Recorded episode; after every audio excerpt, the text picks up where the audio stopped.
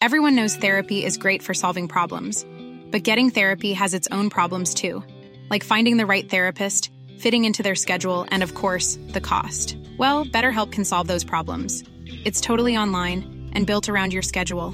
It's surprisingly affordable too. Connect with a credentialed therapist by phone, video, or online chat, all from the comfort of your home.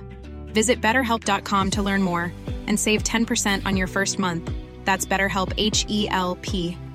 I'm Sandra, and I'm just the professional your small business was looking for. But you didn't hire me because you didn't use LinkedIn jobs. LinkedIn has professionals you can't find anywhere else, including those who aren't actively looking for a new job but might be open to the perfect role, like me. In a given month, over 70% of LinkedIn users don't visit other leading job sites. So if you're not looking on LinkedIn, you'll miss out on great candidates like Sandra. Start hiring professionals like a professional. Post your free job on linkedin.com/people today. There's never been a faster or easier way to start your weight loss journey than with PlushCare. PlushCare accepts most insurance plans and gives you online access to board-certified physicians who can prescribe FDA-approved weight loss medications like Wigovi and Zepbound for those who qualify. Take charge of your health and speak with a board-certified physician about a weight loss plan that's right for you. Get started today at plushcare.com slash weight loss. That's plushcare.com slash weight loss. plushcare.com slash weight loss.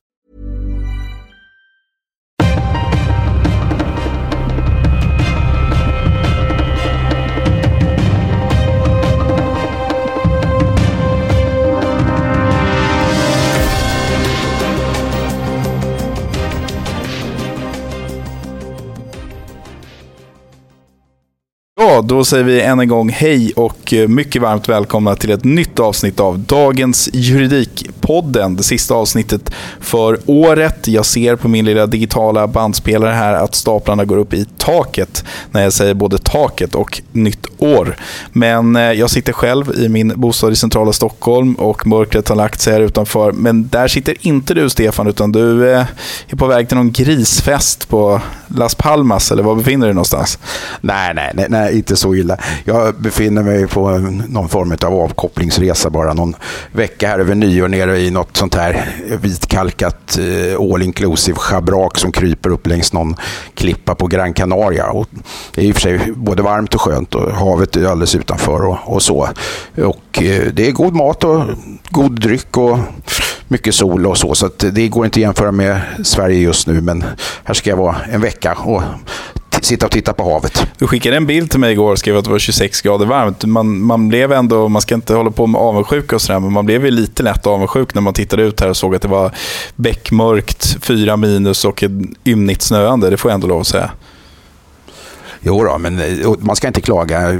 Det, det är lite, lite eh, avkopplande att komma ner här. Och jag ligger och läser och tittar på ja, havet och de, jag ska inte säga brunbrända, utan de tycker de flesta verkar vara rödbrända turisterna som, som ligger jämte här. I, det är ett sånt här eh, resort dit barn icke äga tillträde. Så att det är, är en vuxen publik. Så man slipper folk som springer och, och, och kastar boll och sprätter sand i ögonen på en och sådär. Ja, det är skönt, det har du förtjänat. Du, om vi eh, släpper eh, Gran Canaria och går in på juridiken som ändå någonstans får sägas vara vårt kärnområde här i dagens Juridikpodden så är det ju så att eh, årets kanske mest väntade remissyttrande har kommit från en av våra favoritmyndigheter, nämligen riksdagens ombudsmän eller Justitie justitieombudsmannen som eh, helt väntat, tycker jag i alla fall, eh, sågar Fredrik Wersäll, riksmarskalkens utredning om anonyma vittnen och bland annat skriver att vinsterna med att införa en ordning som tillåter anonyma vittnen framstår som ytterst begränsade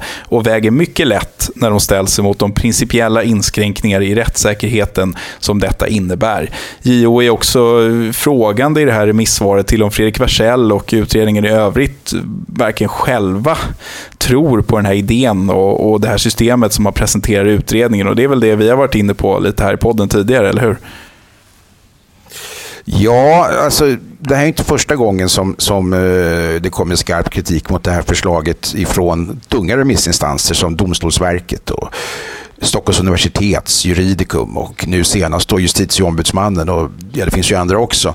Men precis som vi sa för några veckor sedan i det här ärendet, det känns ju lite som en papegoja som, som tar om allt det här, för vi har pratat om anonyma vittnen så många gånger. Men precis som vi sa då så, så, är det faktiskt så att många blev förvånade, även vi, eller i varje fall jag, över att Fredrik Wersäll faktiskt skulle lägga ett sånt här förslag utifrån hans eh, bakgrund och, och eh, väldigt eh, så att säga, framstående arbetsinsatser inom ramen för ett vettigt rättsväsende och hög grad av rättssäkerhet och så vidare. Och eh, när till och med JO skriver att det som upprepas gång på gång i utredningen om, om att det här kommer ha just ett synnerligen begränsat bevisvärde som, som hon uttrycker så, så ger det intrycket av att inte ens utredaren själv är helt övertygad om att det här faktiskt är en framkomlig väg.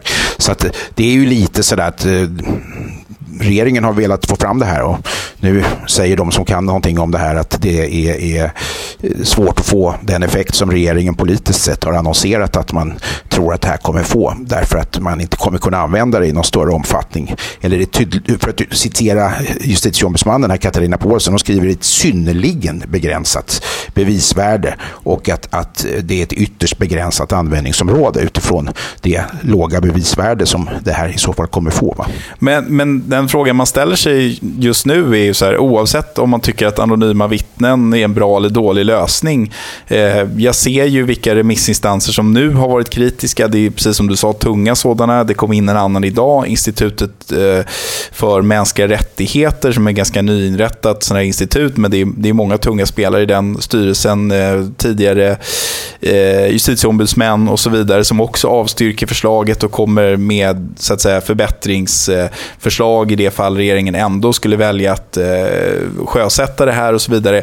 Hur mycket kritik kan ett lagförslag få och ändå drivas igenom av en regering? Ja, eller ytterst av en riksdag, så kan man säga, för det är riksdagen som ska rösta om det. Och, och det här med den makt regeringen har är naturligtvis en intressant fråga i en, i en rättsstat och demokrati eftersom det ändå är regeringen som föreslår lagar men, men inte, inte stiftar dem. Va? Eh, förslaget som sådant kommer sannolikt möta motsvarande kritik i, i lagrådssammanhang och andra tunga jurister. Och det är klart att när man på det här närmast jag kanske inte ska använda ordet raljerande sättet för det vill jag faktiskt inte tillskriva JO. Det tycker jag vore orättvist även emot utredaren i det här sammanhanget, Fredrik Wersäll. För det är inte raljerande men det finns ju en, en ton utav, en underton utav, utav någonting som ligger åt det hållet när man skriver att det ger ett intryck av att inte ens utredaren eh, själv verkar vara övertygad om det här förslaget. Eh, dessutom så använder även i det här fallet då Katarina Paulsson uttrycket att det framstår som, som märkligt att då eh, använda sig av den metod som även vi i den här podden var kritiska till när förslaget kom, nämligen att domaren i målet ska hållas ovetandes om vem det är som vittnar i, i, i hens domstol. Och det här framstår som märkligt anser då JO i det här sammanhanget eftersom ena domaren på domstolen, i det här fallet då en tingsrätt som ska besluta om att ett vittne ska få vara anonymt och dessutom ske i ett tidigare stadium utav, utav processen, det vill säga innan åtalet är väckt, redan under förundersökningen kanske. Men, men rådmanskollegan som sitter i rummet bredvid, som ska säga, eh, slutgiltigt avgöra om ett eh, åtal ska leda till ja, kanske livstidsfängelse, ska inte få veta, ident, känna till identiteten på det här vittnet. Och detta då i, i någon eh, form av, ska vi kalla det för, god tanke med att domaren ska ha samma utgångspunkt som eh, försvaret och den tilltalade eftersom man då, eh, hela poängen med anonyma vittnen är att den tilltalade inte ska, ska veta vem det är som vittnar. Och på något sätt skulle det här balansera de här principerna om equality in arms som framgår av bland annat artikel 6 i Europakonventionen då, då menar Fredrik Wersäll. Och det, det får konstiga, som JO skriver, märkliga konsekvenser. Alltså jag vet inte, vi ska inte fastna vid det här ämnet för länge, men, men ibland tänker jag, har jag tänkt i efterhand så här att jag tror att Fredrik Wersäll och, och fler i den här utredningen trodde att det här var liksom lite kanske av en lösning på problemet. Att man hade hittat en liten juridisk krumbukt här som, som skulle kunna göra det mer godtagbart så att säga i den meningen att det, det skulle inte vara så stor skillnad mellan kunskapen som rådmannen eller domaren har och den tilltalade och, och dennes försvarare har. Men, men det här är ju någonting som har fått kritik i samtliga remissvar som har varit kritiska. Ja, alltså det finns ingen som ska få mig att tro att Fredrik Wersäll har gjort det här på något sätt. i någon, någon Han har liksom inte den eh, inställningen, i, i, eller ställningen heller för, för, den delen. Han har ingen, ingen karriär som kräver att han är inställsam mot regeringen eller så. Utan det här är gjort i bästa eh, ambition och tror jag som en utomordentligt konstruktiv eller försök till konstruktiv lösning för att komma runt de problem som andra har pekat på. Det, det är min absoluta övertygelse. Sen tror jag att det är framförallt då eh, i slutändan frågan om användbarheten utav det här eh, som, som gör att då mm, andra delar utav utredningen så att säga, eh, snubblar på den här egna snubbeltråden därför att hade det här varit ett utomordentligt bra och effektivt sätt att komma till rätta med de problem vi har, då tror jag att det hade funnits ett helt annat både rättsligt och, och politiskt stöd för att kunna, kunna då luckra upp lite av rättsstatens grundprinciper kring anonyma vittnen, då, eller rättare sagt rätten för en tilltalad att få ta del av alla uppgifter som, som, används emot en i, i, i, en brottmålsprocess. Men när det nu är så att gång på gång, inte minst i, i, i den ursprungliga utredningen, justitierådet Stefan Johanssons utredning pekade så tydligt på det som alla de här remissinstanserna också pekar på, nämligen att det här blir inget brett effektivt eh, verktyg för att komma till rätta med de här problemen. Tvärtom så kommer det kunna användas då för att än en gång citera justitieombudsmannen, att det är synnerligen begränsat bevisvärde och ett ytterst begränsat ansvar, användningsområde. Va? Och där tror jag att liksom de här andra då, delarna av utredningen så här, åker med i, i så här slasken när det här döms ut. Så tror jag. Vi eh, lämnar frågan om anonyma vittnen och eh, rör oss eh, sömlöst över till något annat som också har med JO att göra. Jag har i veckan tagit del av en anmälan som skickats in av det så kallade försvararkollegiet i Göteborg, det vill säga en samling försvarsadvokater som, som är med i någon form av ja, ska man säga, förening eller kollegium där, som har tröttnat på att deras häktade klienter förvaras i polisarrester och nu har de alltså JO-anmält kriminalvården och polisen som de menar bryter mot grundlagen och rättegångsbalkens bestämmelser. De skriver bland annat att eh, en konsekvens av att misstänkta som häktas förvaras i arrest är att de i praktiken åläggs restriktioner som domstolen ofta inte beslutat om. Alltså människor som häktas men inte har någon plats på något häkte blir kvar i de här polisarresterna under ganska lång tid och får sitta i ett eh, sämre utrustat rum, kanske färre möjligheter till utomhusvistelse, sämre möjligheter till kontakt med omvärlden och så vidare och så vidare än vad de skulle haft om de satt på häkte. Och det här är ett problem, Stefan, för det här bryter faktiskt mot eh, bestämmelser i både grundlagen och, och rättegångsbalken där det står att man skyndsamt ska överföras till ett häkte om man befinner sig i en polisarrest eh, när man blir häktad, så att säga. Ja, det är ingen slump att rättegångsbalken slår fast just att det ska ske utan dröjsmål. Och sen har ju det här då prövats i ett antal praktiska ärenden, inte minst av då, ännu en gång, justitieombudsmannen, förra chefsjustitieombudsmannen Elisabeth Fura kom redan, ja nu, nu jag, jag, tror att det är 2014-2015 med ett avgörande eh, där hon väldigt hårt slog fast att undantagsvis kan man vänta till dagen därpå om det finns då väldigt, väldigt speciella omständigheter som gör att den här personen som häktats måste eh, stanna kvar i arresten eh, till följd av, ja, låt säga i det fallet vill jag minnas att det handlar om transportproblem för kriminalvårdens transporttjänst. Men man slår, hon slår också fast i det eh, avgörandet att eh, den som ansvarar för det här är, är, är, den myndighet som håller personen i fråga i, i det här fallet då i, i en arrest så blir det ju Polismyndigheten om det är en polisarrest och inte kriminalvården. Och då uppkommer ju den här intressanta frågan att vi har en, en, en situation som utav i princip alla instanser, inklusive Polismyndigheten och Kriminalvården själva, eh, är olaglig. Det vill säga eh, arrester är till för att under kortare perioder förvara frihetsberövade människor medan häkten då är, är till för att under andra omständigheter förvara de här frihetsberövade personerna och arresterna lever inte upp till de krav som man ska kunna ställa heller enligt internationella konventioner på eh, ett frihetsberövande och den lokal och, och den, den omsorg som ska kunna visas emot den frihetsberövade. Och då slår man fast att det här är olagligt men Polismyndigheten slår ju samtidigt fast att de saknar rättslig grund för att släppa en människa på fri fot eh, trots att eh, de då eh, i strid med lagen härbärgerar dessa misstänkta människor i en arrest vilket i sin tur någonstans i, i slutändan skulle kunna rendera, kan man ju i varje fall hypotetiskt resonera kring, ett åtal för, för tjänstefel för den som är medveten om att det här är olagligt och ändå fattar beslut om att personen ska sitta kvar. Eh, det här ställer ju saker på sin spets. Det vill säga, när, för att backa tillbaka någon minut här, när Elisabeth Fura då 2014-2015 kom med sitt beslut så överlämnade hon även det här som ett stort problem till regeringen att lösa lagstiftningsmässigt. Och det har man alltså inte gjort onekligen.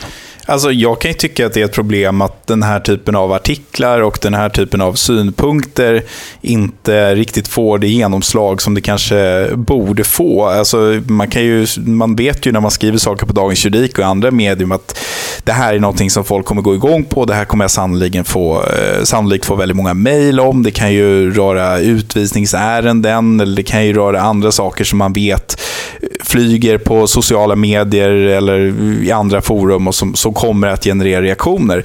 Jag, jag trodde i min enfald att den här artikeln skulle röna större uppmärksamhet när jag skrev den, men jag tror att många som läser det här och som kanske inte är försvarare eller som jobbar som poliser eller inom kriminalvården eller med juridik överhuvudtaget, de eh, blir inte särskilt upprörda alls över det här. Jag menar, är man häktad så är man väl skyldig och då kan man väl lika bra sitta på en fyra kvadratmeter stor cell som i en sex kvadratmeter stor cell och man mår väl inte dåligt av att inte kunna läsa tidningen på några dagar.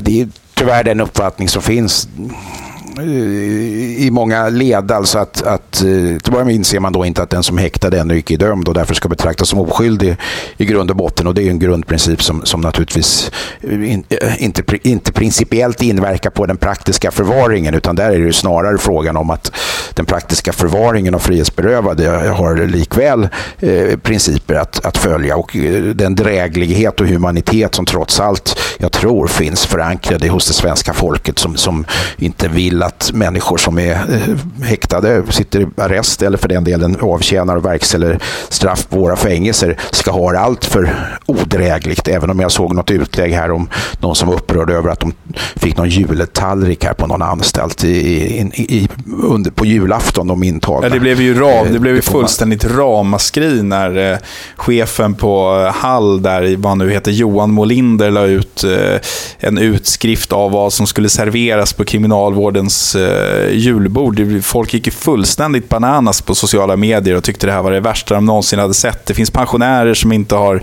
råd att köpa julmat och det finns barnfamiljer som inte har råd att köpa julklappar. Så ska interner, som någon skrev, det är ett ord man inte använt på hundra år, eh, ha rätt att vräka i sig köttbullar, prinskorv och varmrökt lax på jul. Så det var inte bara någon kommentar, utan det var ett fullständigt ramaskri.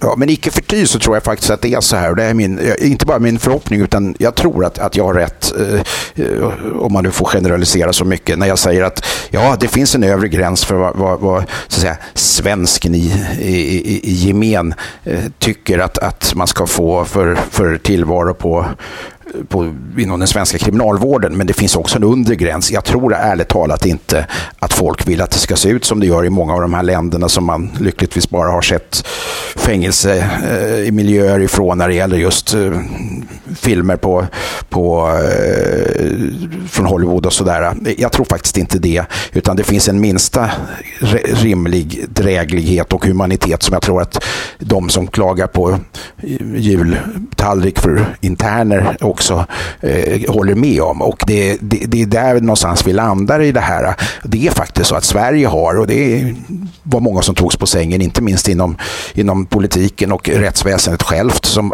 när Sverige gång på gång faktiskt har fått kritik från sådana här som Kommissionen för, mot tortyr vid FN och även Europarådets, eh, Europarådet har kritiserat Sverige många gånger för våra långa häktningstider och våra, våra sätt att hantera häktade och, och, och deras långa restriktioner och så vidare. Så vidare.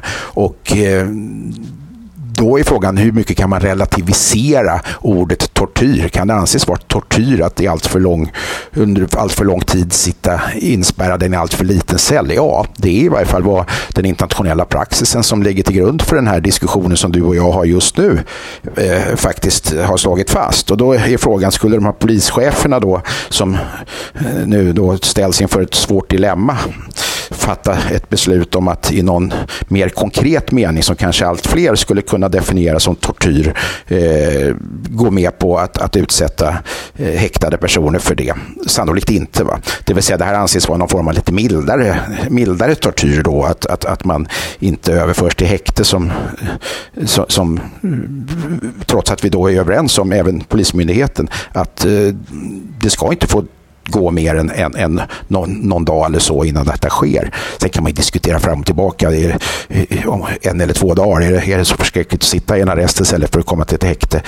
Men det är svårt att börja relativisera och hamna på det där sluttande planet även i sådana här frågor. Va? Men frågan är ju vad som händer nu. Jag, menar, jag, jag såg att eh, Göteborgs försvararkollegie hade adresserat den här anmälan även till eh, flera andra försvararkollegier runt om i landet och jag har idag pratat eh, med en del advokater som har sagt sagt att nej, men alltså det, polisen har ingen annan möjlighet. Deras tolkning är fel. De ska släppa de här personerna som sitter där för länge. De ska släppas liksom i enlighet med svensk rätt. Det, det är det det står i rättegångsbalken. Det ska ske skyndsamt och JO har tolkat det som att det är liksom en dag och så vidare. Så att egentligen så, så ska de här personerna bara släppas i väntan på att det finns en platsledig inom kriminalvården. Vad, vad, vad tror du kommer bli effekten av att det här uppmärksammas?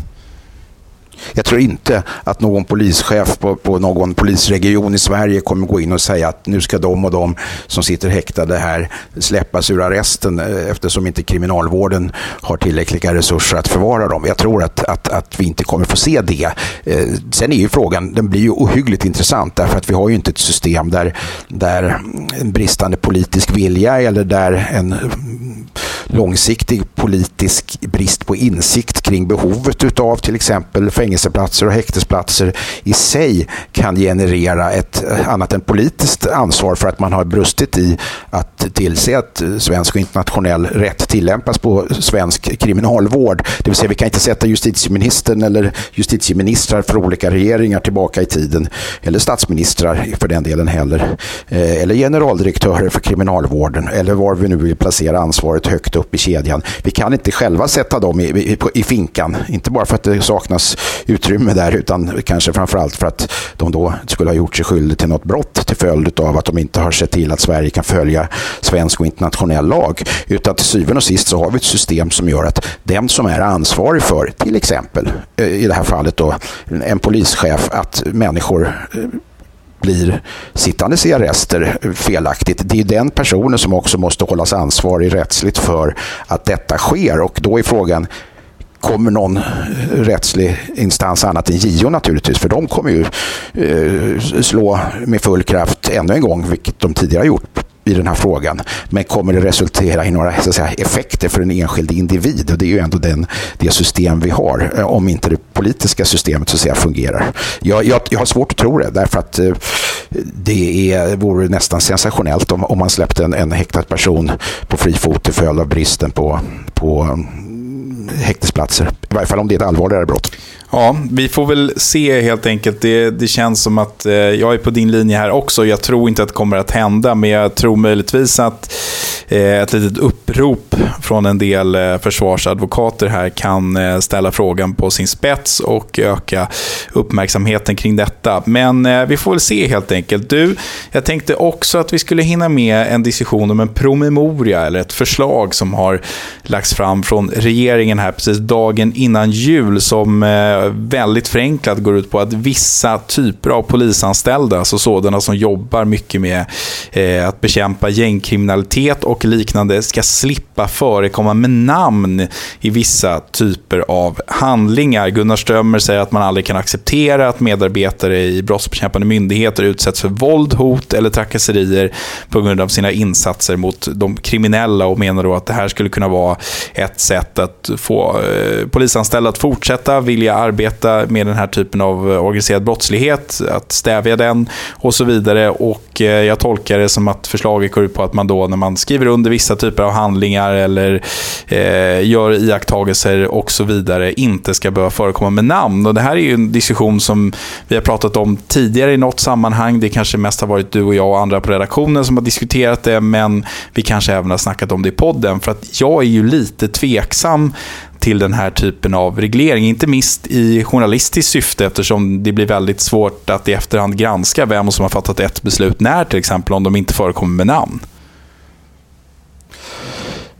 Ja, alltså det är ju ett intresse naturligtvis som kan trädas för när i de här sammanhangen. Jag, jag är mer orolig för eh, trenden och tendensen i sig därför att de som ytterst inte får drabbas av det här det är de som har eh, anledning att rikta eh, antingen klagomål eller, eller för den sakens skull åtalsanmäla i det här fallet då poliser som har, har fattat beslut som är, är enligt den som är föremål för beslutet inte är i överensstämmelse med svensk lag. Jag menar, vi, vi går från punkt till punkt i den här podden där vi pratar om, om just sånt här.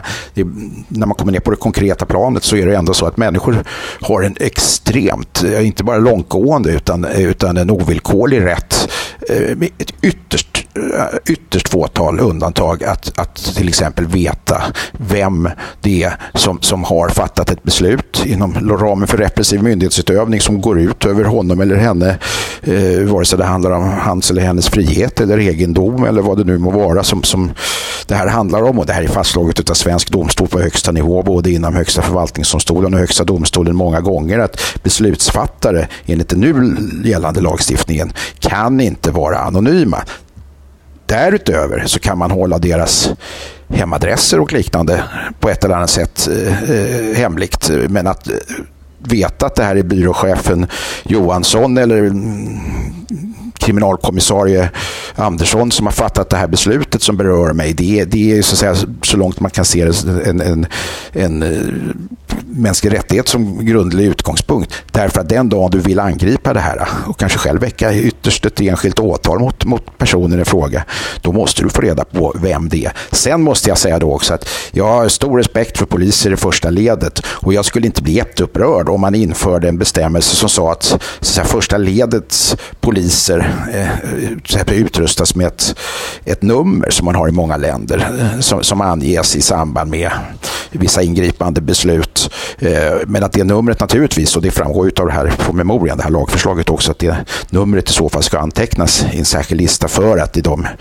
fall som jag då tidigare var inne på eh, kunna plockas fram. De ska inte bli så att säga anonyma för Polismyndigheten heller och vid ett åtal så måste måste de ju bli för den delen offentliga eh, om det skulle vara så att en, en, en polisman åtalas för ett eh, tjänstefel i de här sammanhangen.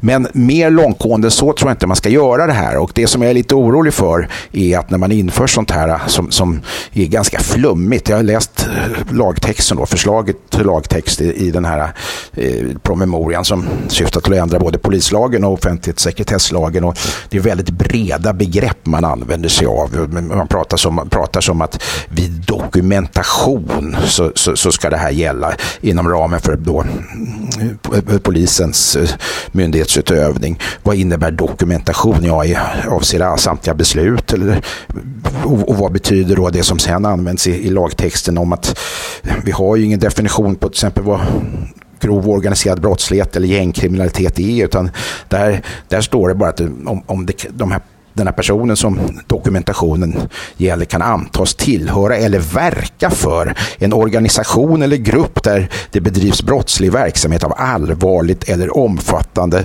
slag. Eh, och om det finns då en påtaglig risk för att den här polisanställda utsätts för, för hot eller våld.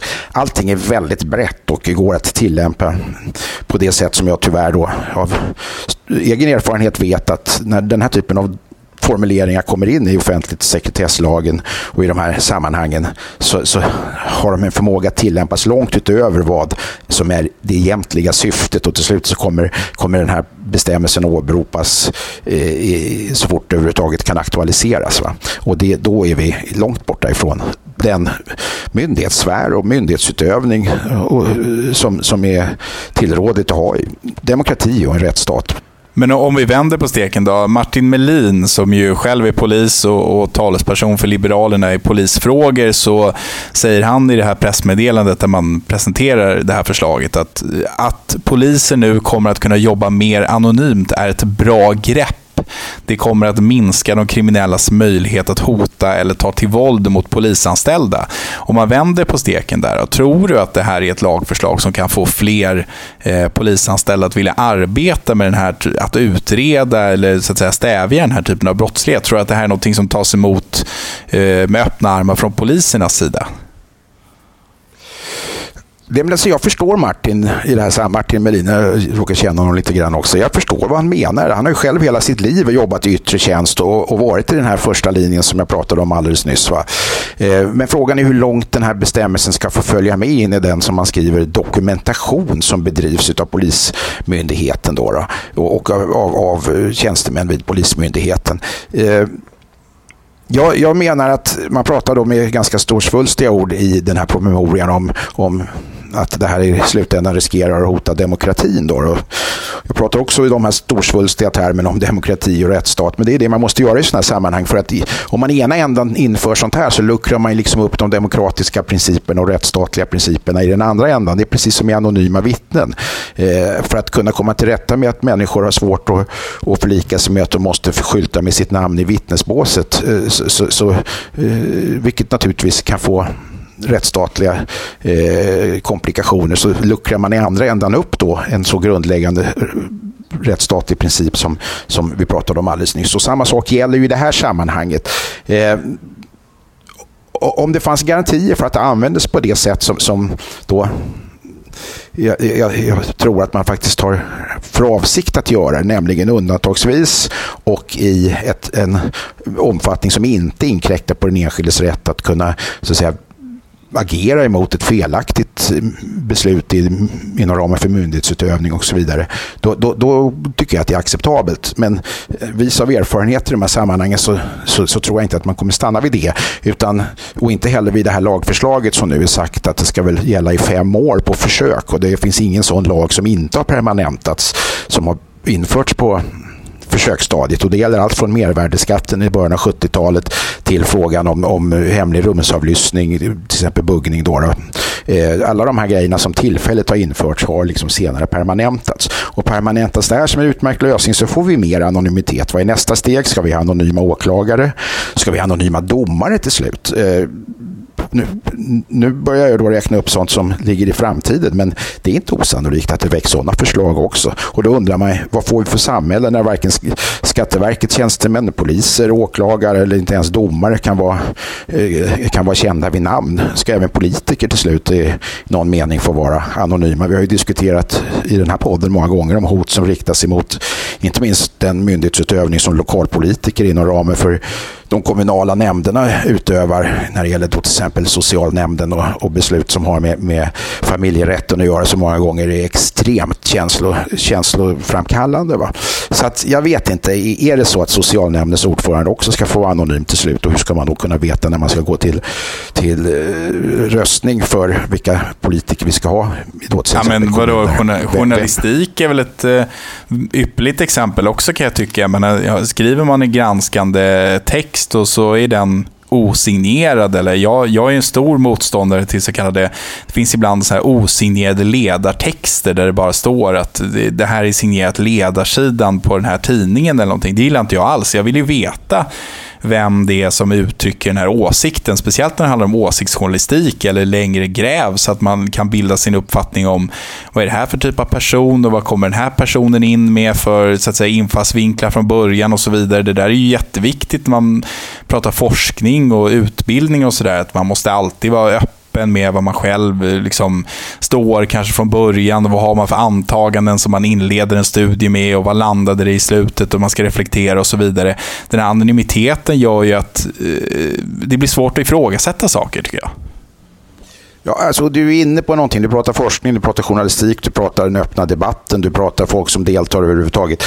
Alltså, transparens är och förblir kanske den allra, allra viktigaste ingrediensen i ett demokratiskt system. Därför att för ju, ju, ju mer slutet det blir, ju mer hemlighetsmakeri det blir, desto mer konspirationsteorier kommer att, att, att växa fram eh, och desto mer diskussioner om vem var det som fattade det där beslutet och, och eh, är det inte samma som har fattat de här andra besluten också? Nej, det är, det är, det är personen X och, och, och, vi vet inte vem det är och så vidare. Det här är inte, det gynnar inte ett, ett, det så kallade öppna samhället i, i förlängningen.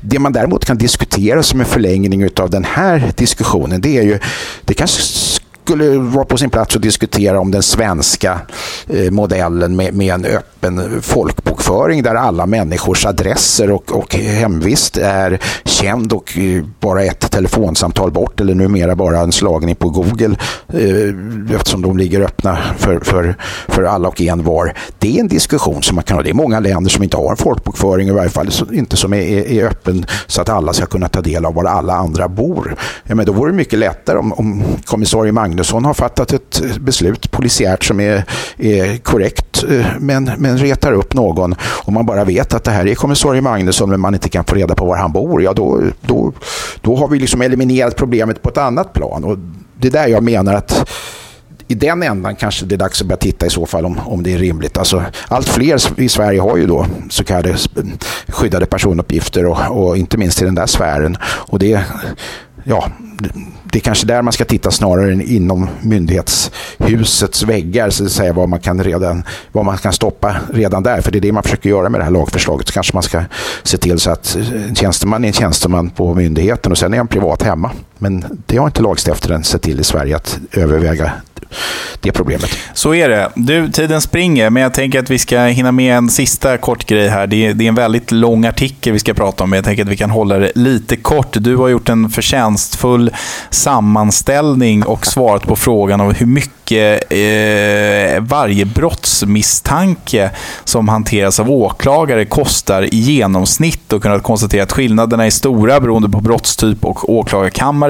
Och så har du i, i din ingress här en, en eh, skrivning om att medan en brottsmisstanke hos en allmän åklagare kostar i genomsnitt 3 125 kronor att hantera så är motsvarande siffra hos Riksenheten för internationell och organiserad brottslighet 55 397 kronor. Och det här är ju intressanta siffror att sätta i relation till så att säga, prutade försvararräkningar, prutande räkningar från målsägandebiträden och annat som vi ganska ofta pratar om här i Dagens Juridik. Och då brukar du alltid ställa motfrågan, ja, men om det inte är rimligt att en försvarare eller ett målsägandebiträde får x antal tusen kronor, borde det inte vara relevant att veta vad det här målet har kostat för en åklagare och tillsammans med polisen att, så att säga, utreda och, och producera en förundersökning. Och nu har du tagit reda på det och vad, vad är din slutsats av detta?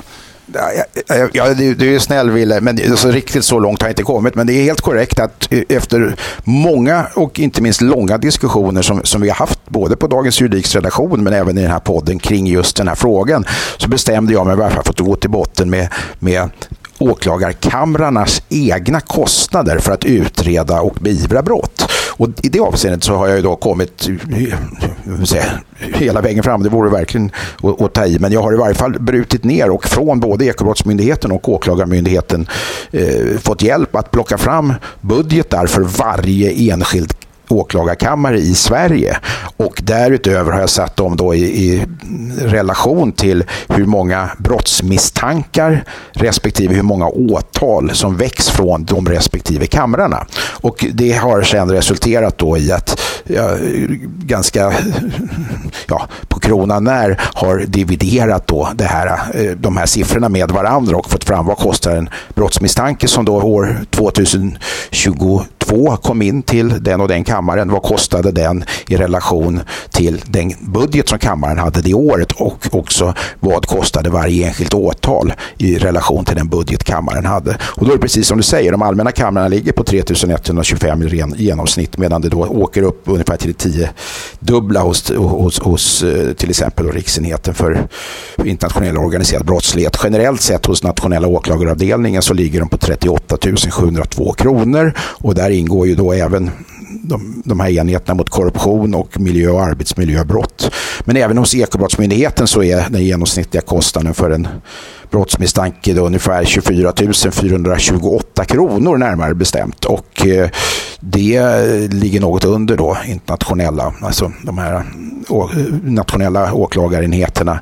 Eh, det som sticker ut där är Finansmarknadskammaren, alltså den kammare som utreder utreder eh, insiderbrott eh, framförallt. Det kostar varje brottsmisstanke 140 630 kronor. Eh, och om man ska vara så elak som man nämner att de då hade ett fåtal åtal eh, som det här ska fördelas på så handlar det faktiskt varje åtal om en, en kostnad på 1,4 miljoner. Men för rättvisans skull ska vi säga att Ekobrottsmyndigheten har förklarat de här höga siffrorna för just Finansmarknadskammaren med att, man, eh, att det är en nationell kammare som är innebär att man måste resa mycket. Det finns bara en finansmarknadskammare i hela Sverige. Man använder mer tvångsmedel än någon av de andra kamrarna inom Ekobrottsmyndigheten och det gör att kostnaderna går upp och man har också organisatoriskt placerat av helt obegripliga skäl samtliga IT-forensiker som finns vid Ekobrottsmyndigheten vid just Finansmarknadskammaren. Eh, varför man har gjort det har man inte förklarat och det kan man diskutera om det är lämpligt att kontera eh, myndighetskostnader på det sättet så att det blir faktiskt direkt vilseledande. Men, men det är de förklaringar som Dagens Juridik har fått ifrån Ekobrottsmyndigheten kring att just Finansmarknadskammaren är så väldigt, väldigt dyr. Annars ligger då EBM på siffror som, som jag sa 24 000 ungefär per brottsmisstanke och, och, och så vidare. Så det, det, det låter rimligt. Egentligen den här artikeln som jag skrev, den, den är ganska rakt upp och ner. Den redovisar även i tabellform i en bilaga som jag har gjort i ordning samtliga kamrars kostnader brottsmisstankar och åtal mer redovisande. Det finns liksom ingen indignation i det här eller någonting utan eh, det, det, är bara, jag tycker bara att det är en intressant uppgift som jag gärna eh, delger Dagens Juridiks läsare att, att eh, kunna titta på. Sen är det ett litet, en liten del i det här som vi har pratat om då så ofta och som inte minst en gnällspik som undertecknad har, har varit med och väckt frågor kring många gånger när, när då det görs invändningar mot försvararkostnader. Vad har det här kostat hos, hos åklagarsidan? Eh, här ingår ju inte när det gäller åklagarmyndigheten överhuvudtaget poliskostnaderna. Det gör det ju till stor del när det gäller ekobrottsmyndigheten däremot. Där finns det ju anställda poliser som jobbar med utredningar som ingår i de här kostnaderna. Samtidigt som de i vissa andra sammanhang får hjälp av Skatteverkets ekobrottsutredare och så vidare. Så det går liksom inte att jämföra de här, ut, de här utredningarna vid åklagarmyndigheten respektive respektive ekobrottsmyndigheten riktigt hur som helst. Men det är en liten del i det här pusslet som, som jag ändå gav mig fasiken på att jag vill ta reda på vad det här kostar. Sen skulle man ju naturligtvis kunna bryta ner det här och gå in på, om man skulle gå in på till exempel eh, RIO, då, då, eh, Riksenheten för internationell organiserad brottslighet och titta på vad varje enskild utredning eller varje enskild undergrupp där kostar så, så skulle man nog kunna få eh, eh aha upplevelser skulle jag kunna tänka mig. Två snabba frågor bara som innan vi rundar här. Alltså en fråga som väcks hos mig i alla fall och som du kanske inte kan svara på den. Men det skulle ju kunna vara så här att det är inte konstigt att saker och ting blir lite dyrare på till exempel Rio där man utreder många av de här eh, målen som är så att säga, kopplade till grov organiserad brottslighet och så vidare. Men frågan är ju, alla mål som hamnar på Rio, hade de behövt utredas av Rio? Skulle inte delar av dem, eller liksom vissa av dem kanske kunna hamna på en vanlig kammare och utredas eh, där, så hade det blivit billigare, kanske gått snabbare. Det kanske hade varit omöjligt, vad vet jag, för att det finns någon koppling till organiserad brottslighet och så vidare. Men min känsla, och det här är verkligen inte baserat på någon form av empiri, utan det är bara en känsla, är att hamnar målen på de här så att säga, nationella och, och, och liksom större spets, spjutspetskamrarna så att säga, så, så tar det ofta längre tid och blir dyrare det, jag vet jag kan inte svara på den frågan. Om det är så eller om det generellt sett är så att de ärenden som hamnar på de här eh, nationella kamrarna i själva verket eh, både borde hamna där och av naturliga skäl blir dyrare just för att de är mer komplexa och, och avancerade. Och det, det, är därför jag är väldigt noga med att understryka att det här är eh, en ganska könlös undersökning som jag har gjort som inte i någon mening tar sikte på att skjuta någonting i sank. Utan så här ser siffrorna ut, punkt slut. Sen kan man ju diskutera rimligheten i att, att vissa brott här, brottsmisstankar får ta så mycket pengar i anspråk och ytterst är det en politisk fråga. Vad, vad, vad tycker väljarna eh, och våra företrädare i riksdag och regering att man faktiskt ifrån åklagarmyndighetens sida och ekobrottsmyndighetens sida ska prioritera för brottslighet. Va? Och jag är, eh, är ganska övertygad om att det finns skillnader här i hur man internt inom de båda åklagarmyndigheter vi har och, och både politiker på toppnivå men inte minst eh, den breda massan där ute. De kanske inte alltid är överens om, om hur de här prioriteringarna faktiskt görs. Men det är en annan diskussion. Det, det blir på, på sätt och vis en, en annan diskussion i, i, i, slutändan. Det här var ett steg eh, som, som jag tyckte var intressant. Vi har pratat om det i många år. Eh, jag tog mig den här eh, friheten att begära ut de här siffrorna och har sedan räknat ihop och satt ihop det här dokumentet. Men jag hoppas att det inte slutar här. Och jag kan säga en sak som också påverkade mig till att försöka reda någon form av klarhet i de här frågorna. Det var när jag pratade med ja, det var ju förutvarande riksåklagaren Petra Lund som nu ska tillträda som rikspolischef eh, för ett par år sedan eh, där jag frågade efter någon form av kostnadsestimat per utredning som kunde tillämpas då mer praktiskt retroaktivt genom att man tittar på att en sida förundersökning i genomsnitt kostade si så mycket att producera även om det var väldigt grovt och väldigt brett. Men det fanns liksom inget sånt. Man, de använder sig inte av det utan en förundersökning får ta den, den tid och de resurser i princip som, som den kräver och sen får högre åklagare gå in och dra i, i, i bromsen om det skulle då gå över alla gränser. Bra. Men, och det, det, det, tycker jag var intressant. Då ja. hjälper vi dem med det. Du, nu är det så här, nu måste jag faktiskt iväg och jag vet att du ska iväg på grisfest du med, så du har ju bråttom, eller hur? Jag ska inte på någon grisfest, men för Är du säker? Jag ska kanske försöka. Det är fortfarande sol och varmt. Det är väl 26 Du får göra så här, vad är det de gör? De plockar kulor och det är, det är väl massa aktiviteter. Ted Åström står där nere och gör morgongymnastik nere i, i lobbyn. Ja, det finns ett väldigt roligt eh, telefonsamtal som eh, Kalle Sändare har, har, spelat in som ligger på den fina skivan Sändarresan som på 70-talet var en pastisch på Lasse Åbergs film Sällskapsresan. Och där finns ett samtal som handlar till stor del om hur grisfester går till. Så att, eh, jag, jag tror att man, om man googlar fram Sändarresan och Kalle Sändare kan man nog lyssna på det lite här och där på nätet. Det rekommenderas. Då tycker jag ni ska göra det och så tackar vi för oss och vi tackar för för eh, 2023 och eh, säger välkommen åter 2024, fredagen nästa vecka helt enkelt.